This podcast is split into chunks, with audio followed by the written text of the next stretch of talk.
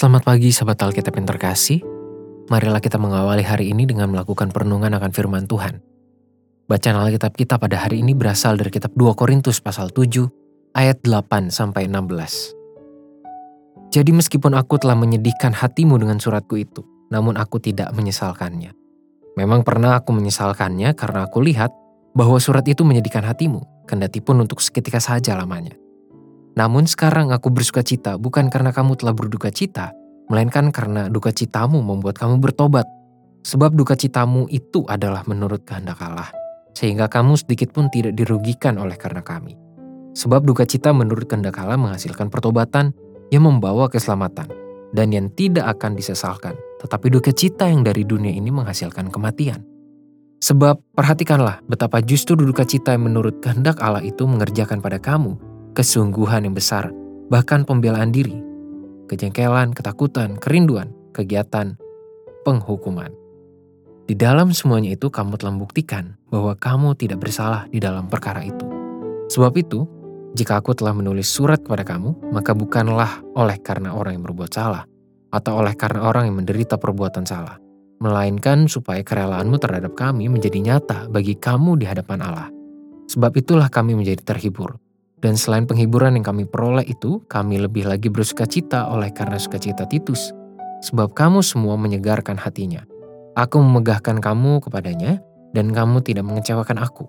Kami senantiasa mengatakan apa yang benar kepada kamu, demikian juga kemegahan kami di hadapan Titus sudah ternyata benar.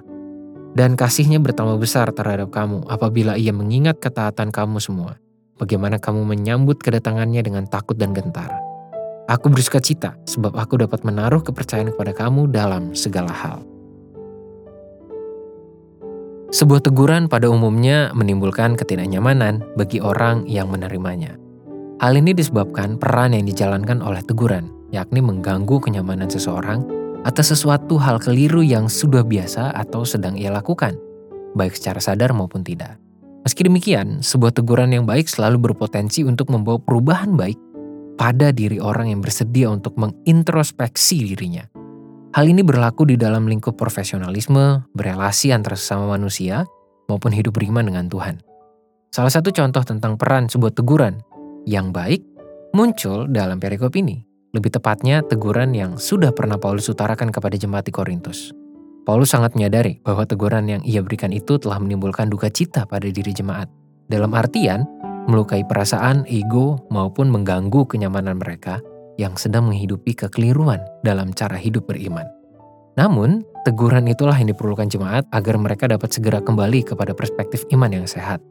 Bahkan secara lugas, Paulus menuliskan bahwa duka citamu itu adalah menurut kehendak Allah, sehingga kamu sedikit pun tidak dirugikan oleh karena kami.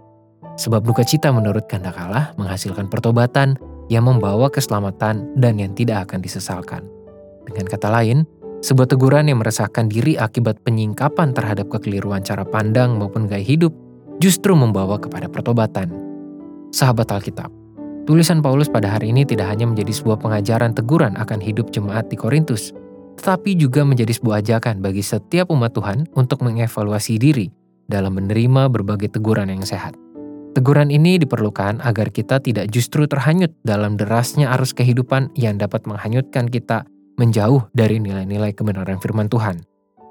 Dari mana kita mendapatkan teguran yang sehat itu? Pertama, tentu saja dari Alkitab, yang selalu tersedia untuk kita akses. Kedua, dari kehadiran setiap orang yang kita temui, entah sengaja maupun tidak direncanakan. Ketiga, melalui berbagai peristiwa yang terjadi dalam kehidupan kita, entah yang menyenangkan maupun yang menyebalkan sekalipun. Terdapat banyak cara teguran yang sehat muncul pada diri kita. Persoalannya adalah apakah kita mau menerimanya.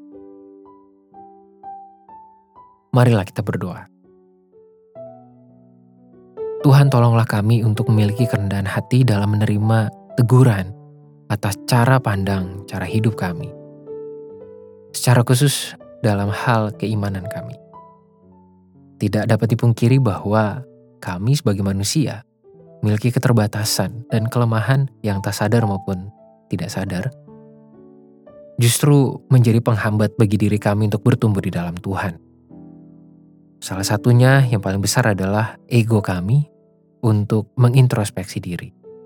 kami merasa yang paling benar, kami merasa sudah paling sempurna. Tolong kami Tuhan untuk selalu mau menerima teguran yang kami dapatkan dari firman Tuhan, dari orang-orang yang Tuhan utus, yang Tuhan pilih, Tuhan pertemukan dengan kami, maupun melalui berbagai peristiwa yang terjadi dalam kehidupan kami. Biar kami selalu mampu mengalami pertumbuhan di dalam Tuhan. Hanya di dalam nama Tuhan Yesus kami berdoa dan mohon. Amin.